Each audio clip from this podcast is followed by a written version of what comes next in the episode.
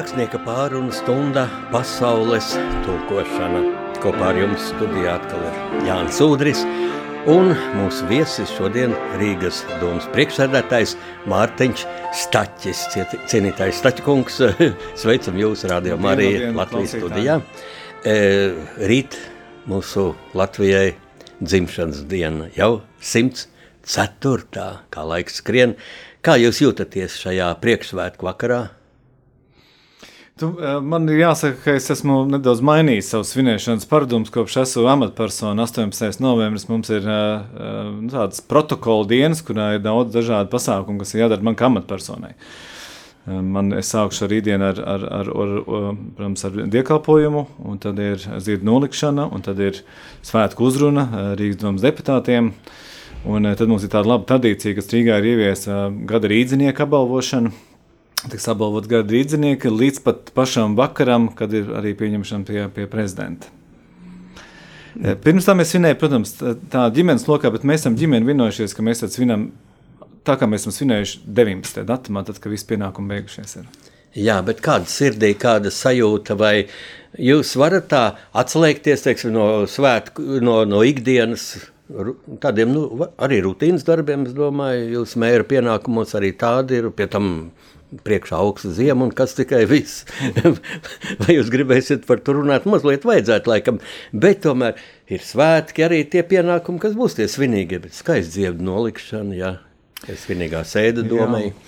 Nu, man šobrīd kā amatpersonai šie, šie divi datumi, 11. un 18. novembris, kalpo kā nu, tāda atgādinājuma. Viņa atgādina par divām lietām. Viņa atgādina to, ka neviens mums brīvību nav vēl iedevis, un ka brīvība vienmēr ir, ir, ir jācīnās, kā cits ir lejis savas uh, asinis par to, un, uh, un, un tas vienkārši jāatcerās.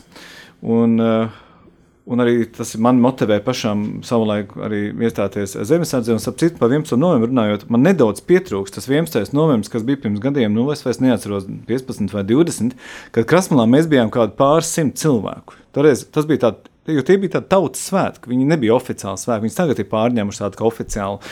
Toreiz man patiesībā tas patika vislabāk, jo mans vecvectēvs bija Latvijas armijas um, virsnieks, un mums ģimenē tas bija no, ļoti svarīgs datums. Savukārt 18. novembris man atkal atgādina ko citu. To, ka mēs esam mantojumā kā politiķi dabūjuši, viņi izcīnīja priekš mums šo, šo, šo valsti, un mans pienākums ir viņu dot nākamajai paudzē labāku nekā es viņu saņēmu. Un tā, tā, tā apcere priekš manis ir diezgan svarīga. Teiksim, tā teikt, arī reizes gadā izvērtēt, vai tas, ko mēs esam izdarījuši, ir padarījis mūsu pilsētu nākamajai paudzē labāku vai sliktāku. Kāds būs mans mantojums? Kā jūs atceraties šo neatkarības atgūšanas laiku? Jūs tad nu, bijāt zēns. Jā, neko daudz. Es atceros, protams, kā mēs braucām uz um, Baltijas ceļu. Uh, es uh, nebiju Rīgā ne uz barikādēm, ne arī uz, neatceros, vai es biju Krasmalā. Bet, nu, protams, ka mēs ģimenē ļoti tam visam sekojām.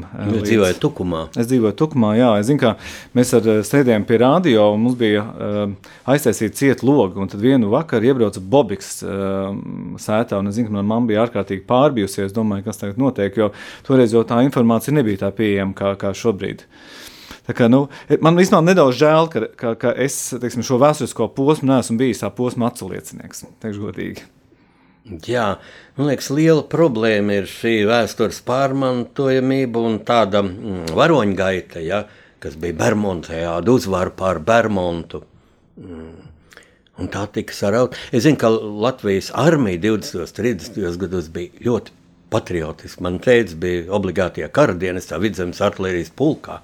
Un viņam par to gadu un diviem mēnešiem viņam divi biezi albumi uh, ar fotografijām no manevriem, kurš šauja ar lielgabaliem. Tā. Un šī, šī varonīga armija nedabūja cīnīties par savu zemi. Un man, tagad rakstot vēsturiskos romānus, man tā sirdī griež, jo es līdz, līdz, līdz, līdz pēdējiem dziļumiem esmu iedziļinājies, cik dziļas psiholoģiskās saknes atstāja tas gļēvums. Jo tagad vienkārši uzspiestais gļēvums karavīriem bija tiešām kā kā filmā Baigā vasarā rāda, ka tas virsnieks ar pistoli iešaujas zemē, ka viņš nedrīkst. Un ģenerālis Bolsteins nošaujas, ja, jo viņš citādi būtu arestēts un nerosmīgi spīdzināts.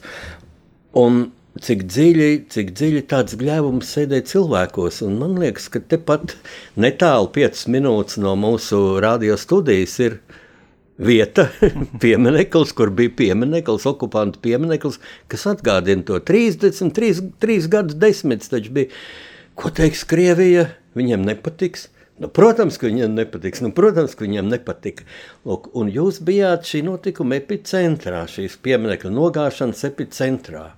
Vai jūs piekrītat, ja es saku tā, ka mēs nogāzām ne tikai pieminiektu, bet nogāzām arī savu gļēvumu, savu mīkšķaulību, savu tīzlumu, kas kaut kur ģenētiski sēdēja. Viņiem nepatiks, Krievijai nepatiks, piektai kolonai, kas šeit Latvijā nepa, nepatiks. Nu, jāsaka, ka šo pieminiektu nogāza varbūt pat vairāk tauta nekā amatpersonas. Teikšu jums atklāti, jo es atceros to pirmo sapulci, kas bija. Nu, tas viss notiek tādās slepenos formātos, tas tāpēc neko daudz nevar stāstīt. Bet tajā pirmajā sapulcē vēl nebija tāds skaidrs uzstādījums, ka šī vēsturiskais mūsu tāds liekas loks gāžam nos. Bija tādi, kas teica, ka darām to. Un tad tur, tur bija valdības pārstāvi un tā tālāk. Un tie daži teica, nu, ka tomēr nē. Un, un skaidrs, ka tas karš bija arī tikko sācies, vēl arī nezināja, kā, kā Ukrainai veiksies. Uh, Un, eh, ka, nu, drīzāk vajadzētu viņu tā teikt, pārdefinēt vai pārinterpretēt. Uh, nu, tad, tad man tika uzdots uzdevums, nu, tad ejam šo ceļu. Nu, tad atcerieties, toreiz pieminiekļu pa, uh, padomu jau sāka par to runāt, jau domāt, kā, kā tā varētu nosaukt, kā tā varētu uzlikt kaut kādas nu, mm, plāksnes, kuras varbūt skaidrotu mūsu pagātni. Bet uh, sabiedrība uzreiz pateica, nu, tas nav tas, ko mēs gribam. Aizmirstiet par to. Līdz ar to vismaz man tajā brīdī bija skaidrs, ka, ka lēmumu tauta ir pieņēmusi.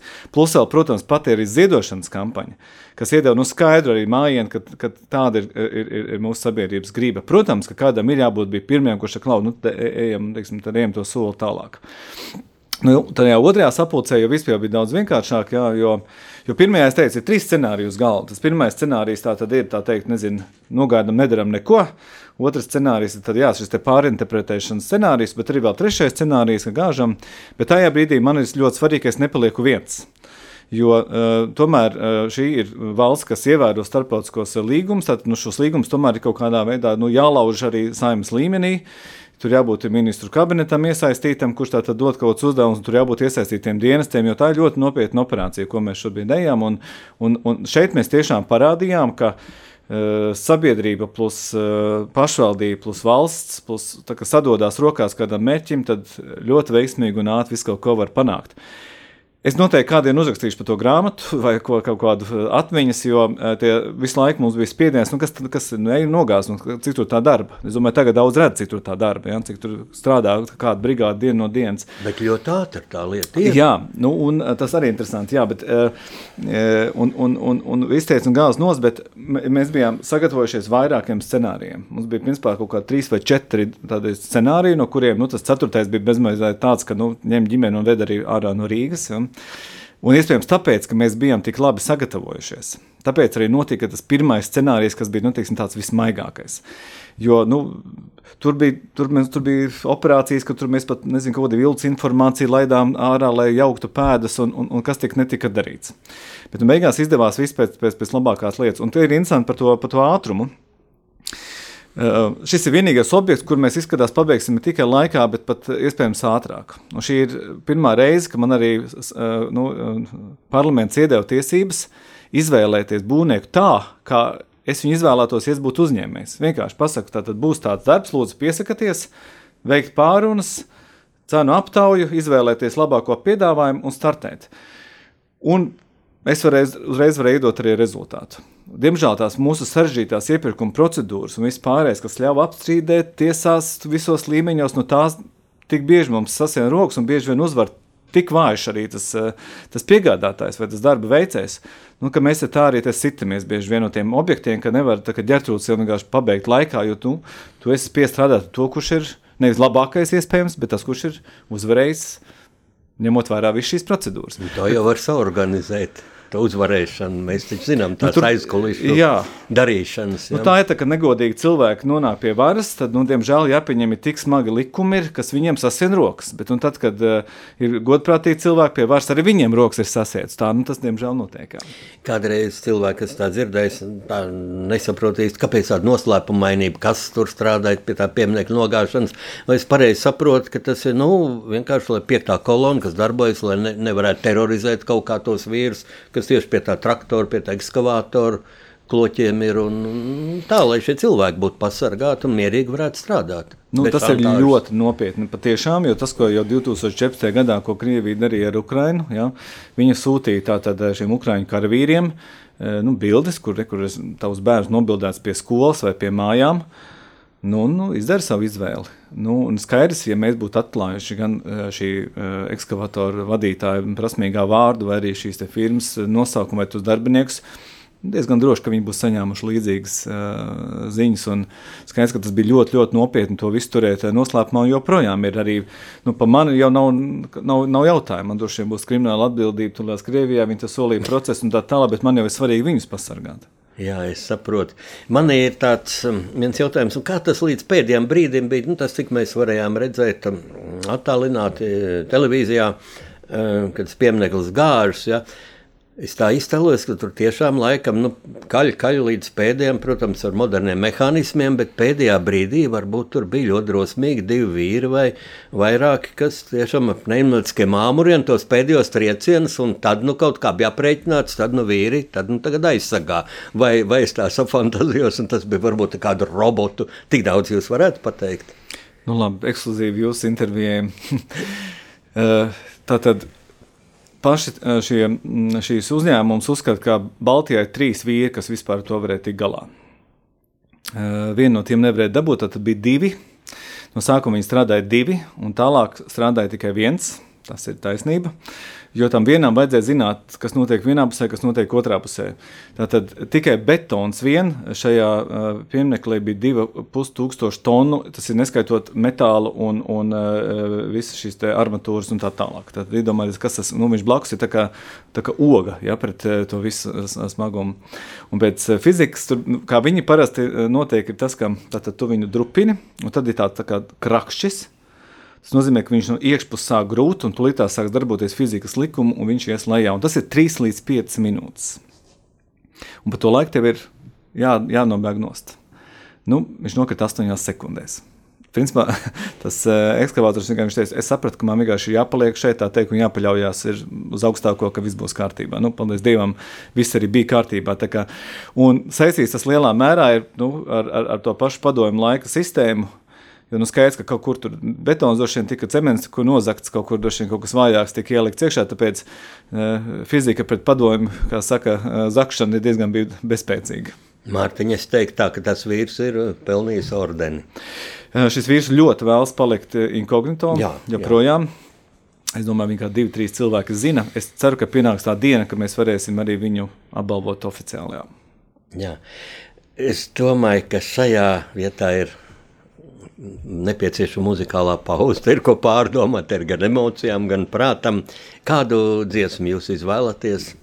Nu, tā kā šī ir svētku nedēļa, un tā kā mēs tikko esam skaisti nosvinējuši 11.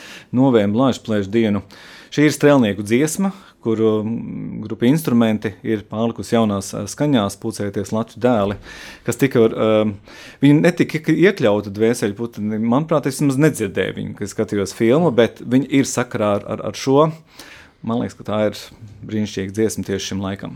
Šīs filmas sakarā vairākas brīnišķīgas dziesmas, tāpat tur ķekurkalnā gaļa dzied, tā ļoti pikanti, un tā kas nebija, diemžēl, filmā, bet ir, ir, ir um, video klipi, kā jaukas meitenes to dzied, tad klausamies dziesmu.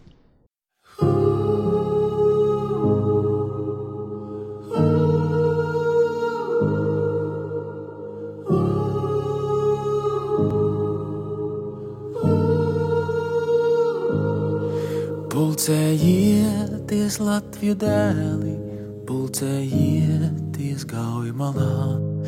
Dziediet dziesmas, mīļie draugi, svēto zolu trijotnē.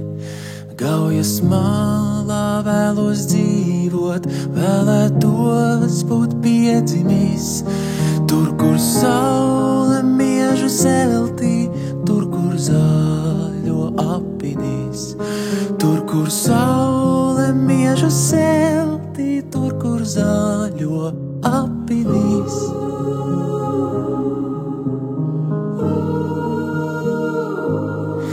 Tūkstošiem, lai skaistas acis, manu sirdi saistīts teic. Tūkstošiem, lai sārtas lūpas, mani mīļus vārdus teic. Tikai gaujas malā vēlos meklēt daļu līgavu. Tikai gauj malā tai stāstīt, cik to karsti mīlēju. Tikai gauj malā tai stāstīt, cik to karsti mīlēju.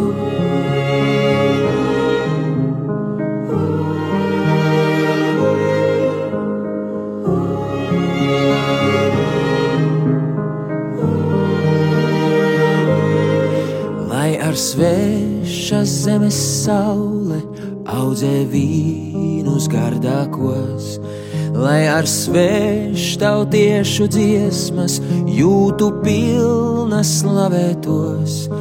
Man tik gauj malā tik pildīt, kausā brūno miestiņu, saukt, lai notrīc kalni lejas, Dievs, lai svētī Latviju. Saukt, lai notrīc kalni lejas, Dievs, lai svētī Latviju.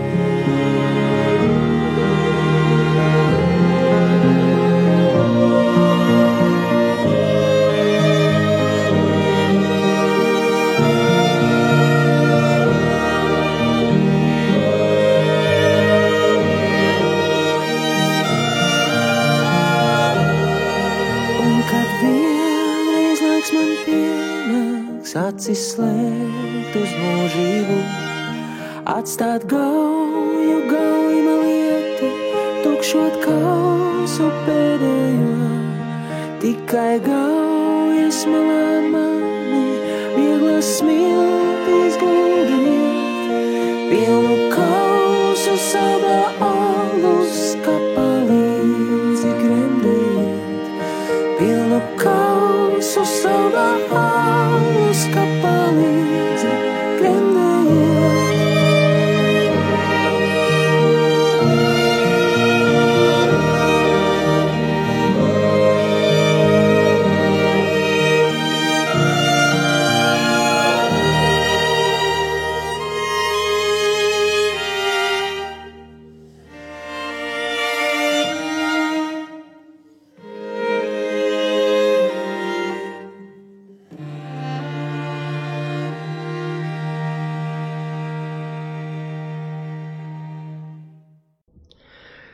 Skan radio Marija Latvija, šī ir rakstnieka pārunu stunda, pasaules tulkošana, un mēs runājam ar Rīgas mēru, Rīgas domas priekšsēdētāju Mārtiņu Staķi.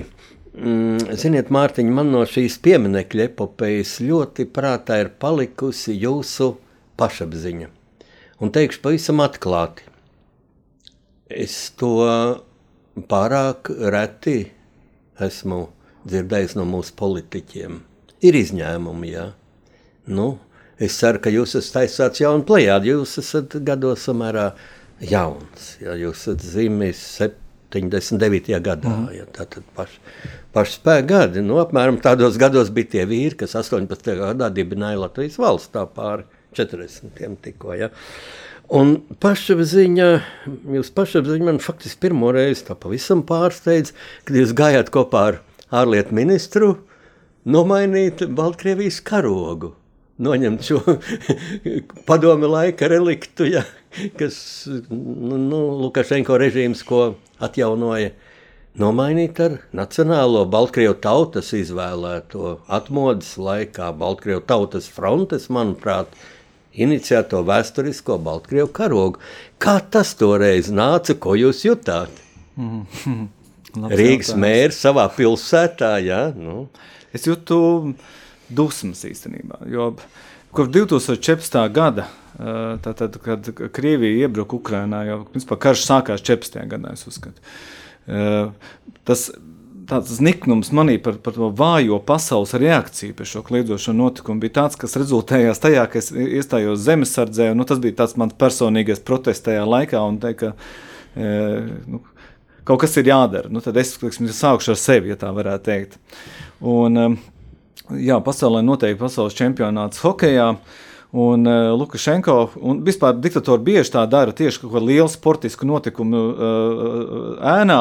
Izdara to gājienu, tad vienkārši ņem un liek nosēsties lidmašīnā. Principā nolaup lidmašīnu. Ja? Tā nedrīkst rīkoties tikai lai izreikinātos ar saviem opozicionāriem. Ar banāliem meliem, tur par teroristiem kaut kāds signāls. Jā, gluži kā pretīgi stulbi meli. Jā, kā Krievija arī uh, okupēja Krīmu faktiski vienkārši olimpiskā spēļu, var teikt, laikā. Ja? Nu, labi, paraolimpisko, bet vienalga.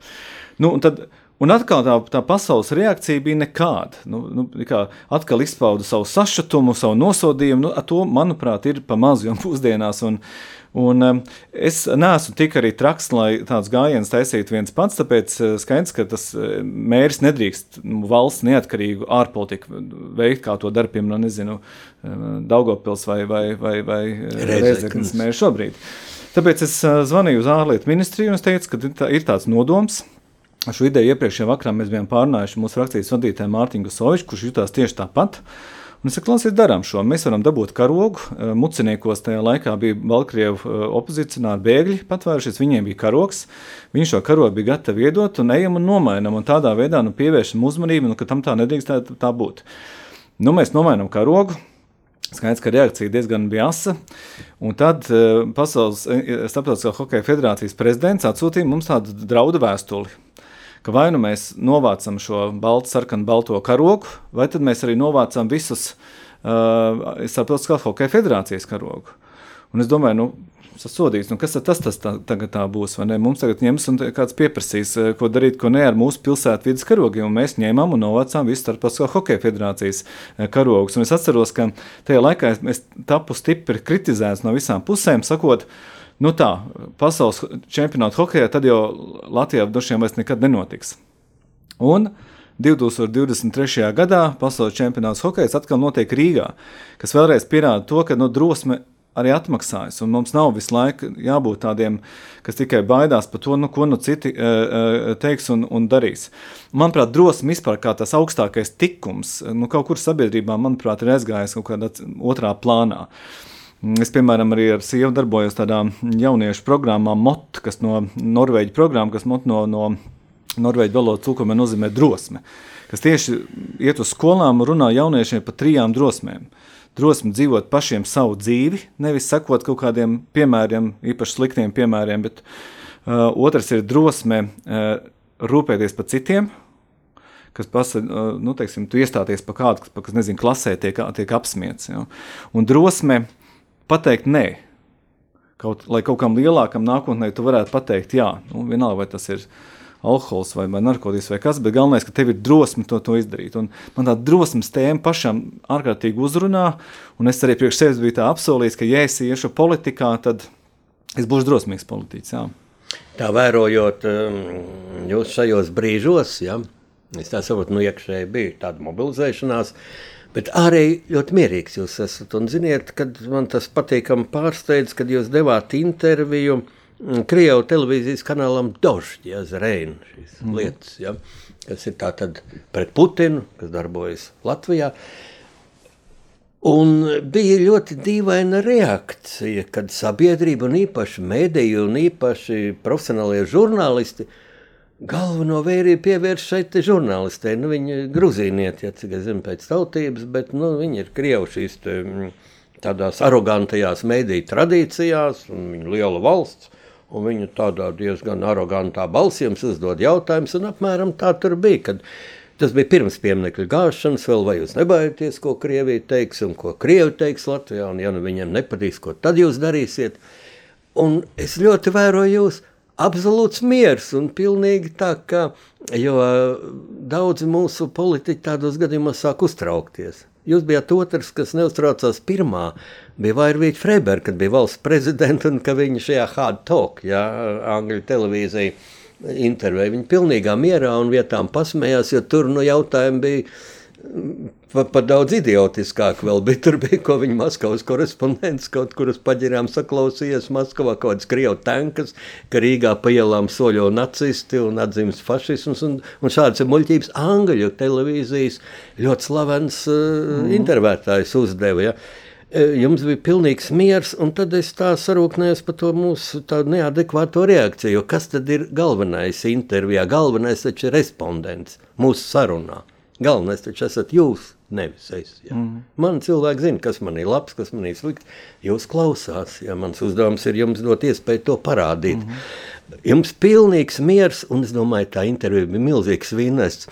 Un te es gribu oponēt uh, cilvēkam, kurus ļoti cienu Alvim Harmanim, kurš ir izcils teātra režisors, un viņš pilnīgi to, to dožģi vajag raidīt ārā no Latvijas nevajag raidīt, jo viņi nodrošināja milzīgu auditoriju. Mums mūsu televīzija to nevar. Kaut arī valodas barjeras dēļ, nu, mums klausās latviešu, mm. jā, tagad, un cik mm. mēs esam, tik esam, bet krieviski milza auditorija.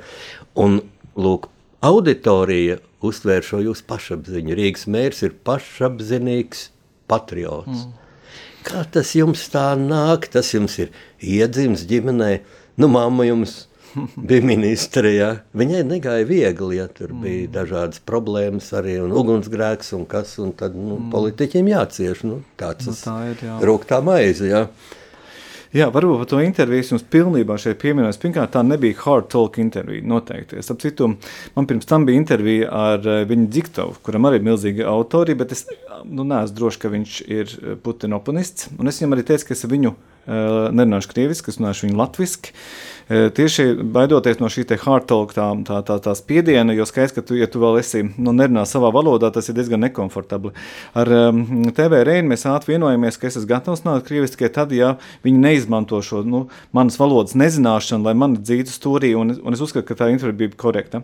Otrkārt, man ļoti pats simpatizēja arī pati Kotrika Kadzes kundze, es nezinu, cik daudz klausītāji pa viņu zina, viņas māte, mira eh, tajā sprādzienā, par kuru nu, lielākā daļa ir pārliecināta, ka to organizēja Putins. Tas bija 2001. gadā. Ja, viņai ir visas iespējas ienīst Putinu pat vairāk nekā uh, mums.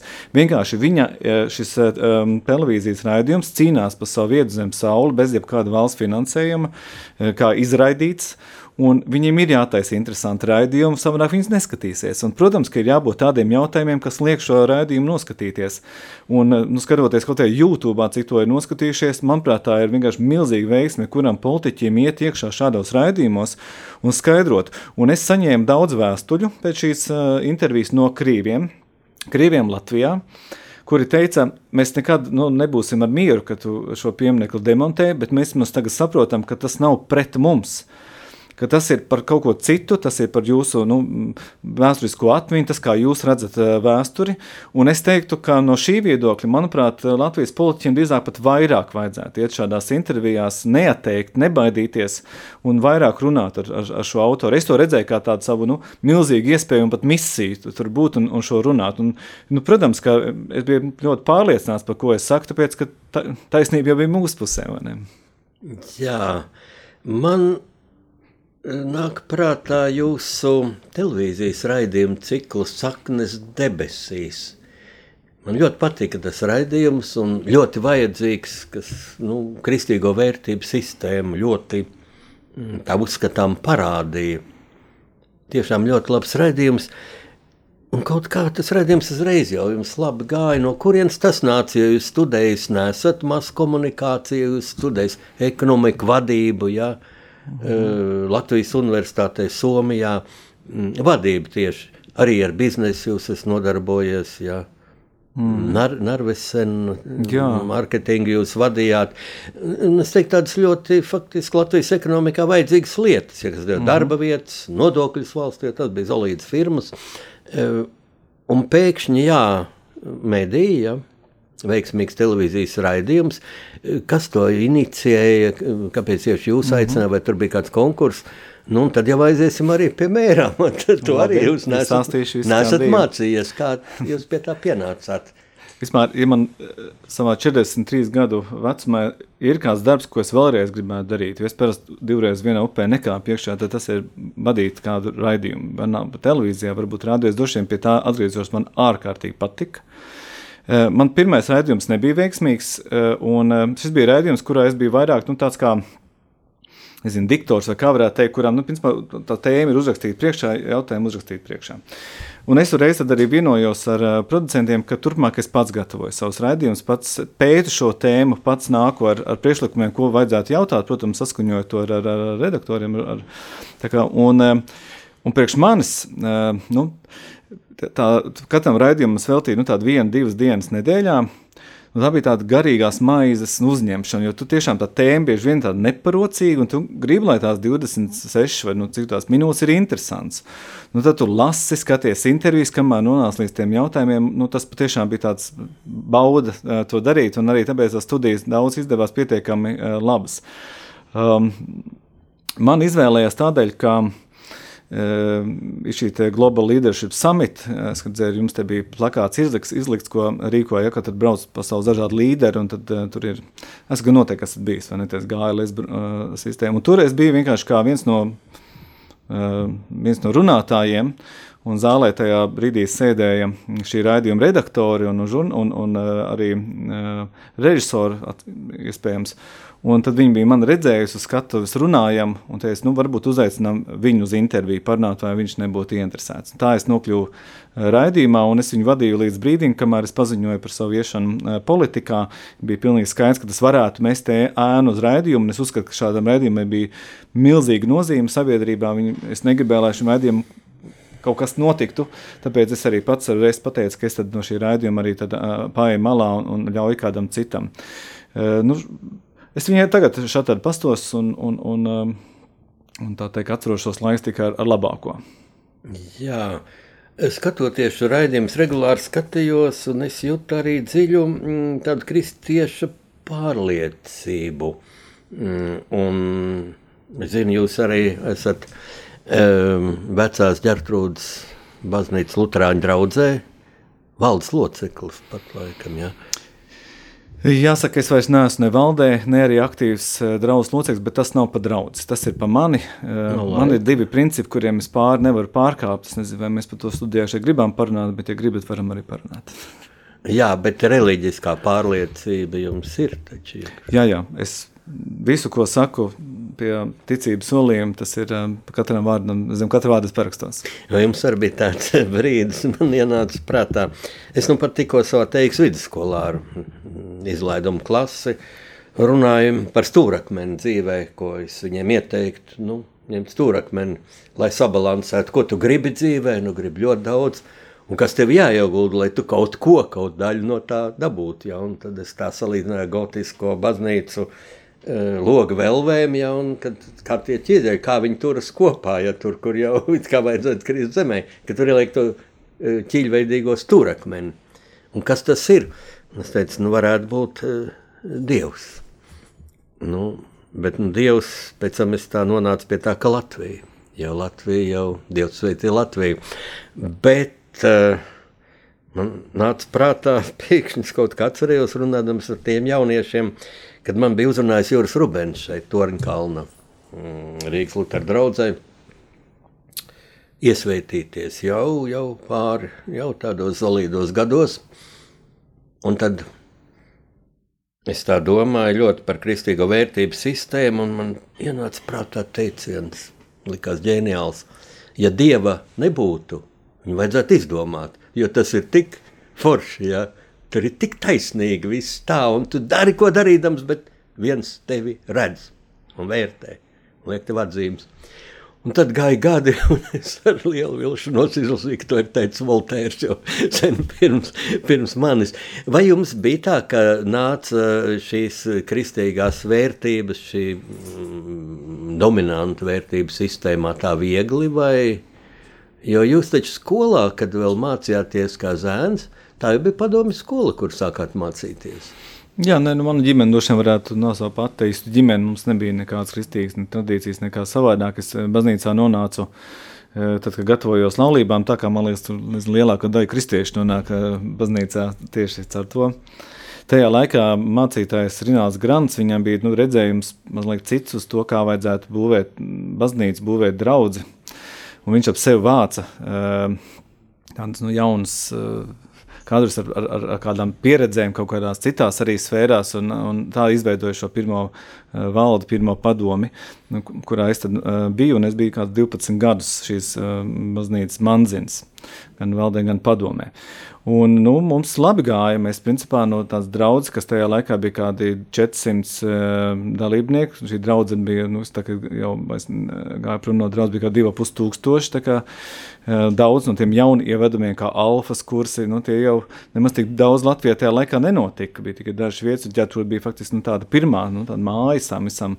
Mēs uh, arī labdarības darbu darījām uz upes virtuvi at, at, atvērām. Uh, Eh, man ļoti uzrunāja vispār Rinalds Grants kā, kā, kā, kā mācītājs, un, un otrdienās no rītiem mums, eh, mums ir tāda maza kapela Rīgas domē, mums notiek svētbrīži, un tieši šodien šo svētbrīdi vadīja Rinalds Grants, kur saka, pārliecinājos viņā klausīdamies, ka, nu, jā, šis ir no mans garīgais tēvs, eh, tā kā es viņam esmu ļoti pateicīgs. Šeit es gribu atkal pieteikt muzikālo pauzi, lai skan atkal Mārtiņa Staķa mūsu viesu izvēlēta dziesma. Jā, par šo dziesmu, ja es varu pāris vārdos pateikt, mēs ar savu kori, kuras pasaulē, izveidojam tādu ārkārtīgi veiksmīgu projektu, kas saucās Latvieša lūkšanas dziesmas.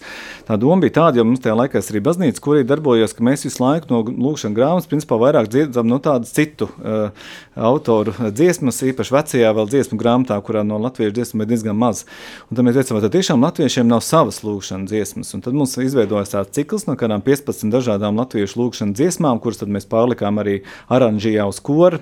Un viena no tām bija, bija šī, kas, manuprāt, ir šī lūkšana, ko Ieva akurāt dziedāja tieši mūsu neatkarības uh, atjaunošanas laikā. Manuprāt, ir tā lūkšana, kas nu, ir katru uzrunājusi ārkārtīgi dziļi.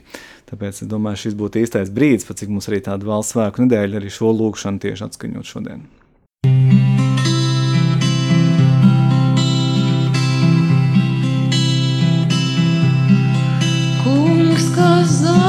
Zāles čukstus dzirdi, kas pats milgai neliec ciest. Vārdi ir, kas Latviju sirdī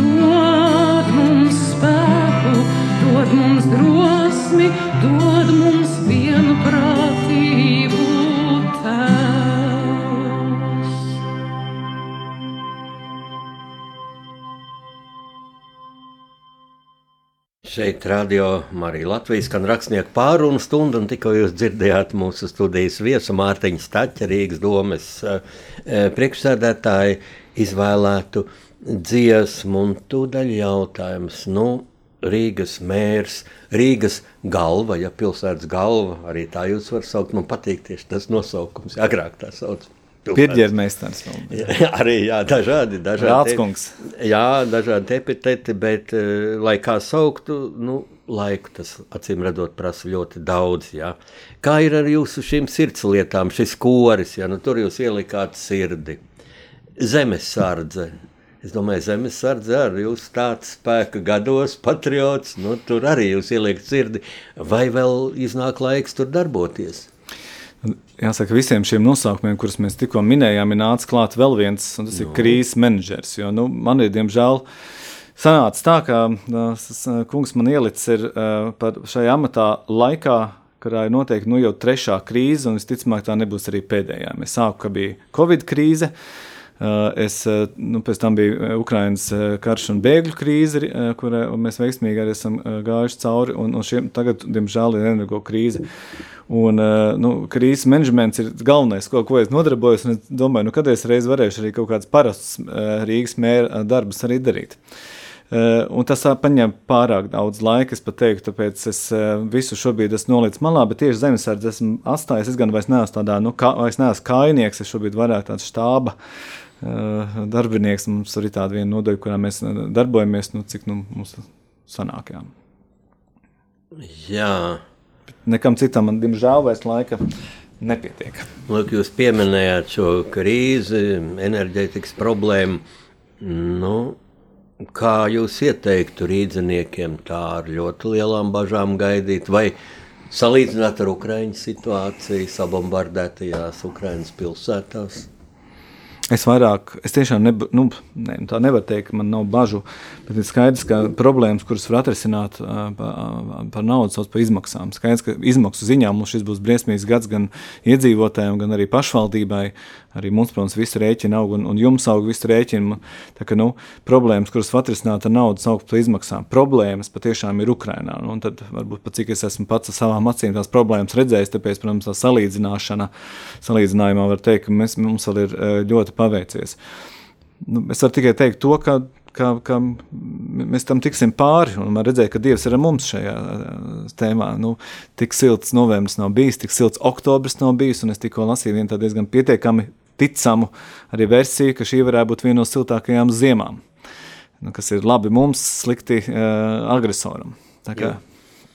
Jūs pieminējāt Ukrainu, kad jūs tur bijāt pēdējo reizi? Es biju augustā, man bija tikšanās gan ar prezidentu Zaļenski, bija arī ar, mēru Kličko, bet man, un tad mēs ar Kijevas gubernatoru diezgan daudz pavadījām laiku kopā, sadraudzējāmies ļoti ar Mikulājevas mēru Ivanu Fjodorovu, un tas bija tāds nu, brauciens, kurā es teikšu, tā, jā, nu, šī ir tā reize, ka labāk vienreiz redzēt, nekā, nekā simtreiz eh, dzirdēt. Tas, ko es tur redzēju, ir, es redzēju to, ka, ka šī civilā infrastruktūra, kas ir iznīcināta, man ir labi pazīstama. Tas ir tās pašas tipveida skolas, kas šeit, tās ir tie paši tipveida bērndārzi un arī pat poliklinikas, kas šeit. Un pēc tam, kad mēs pavisam nesen tikāmies ar Eiropas komisijas prezidentu Ursulu Fonderlejenas kundzi, es viņai arī teicu, Eh, dodiet mums to iespēju. Mēs Ukraiņu atjaunosim daudz ātrāk, jo mēs vienkārši pazīstam šos objektus. Mums pat projekti jau ir tiem gatavi. Mēs viņus tikai atjaunosim, mēs viņus padarīsim energoefektīgus un, un bērniem uh, ērts. Mums ir daudz projektu Rīgā veikti.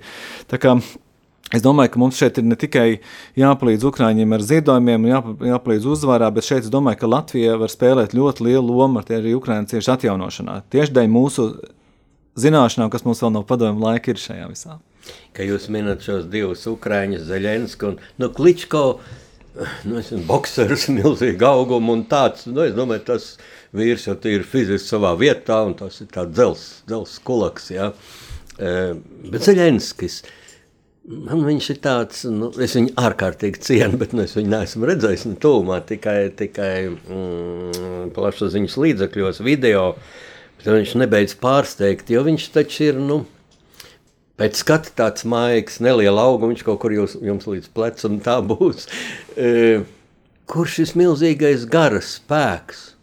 Kur šis milzīgais gara spēks un šie ļoti pareizie politiskie, diplomātiskie soļi?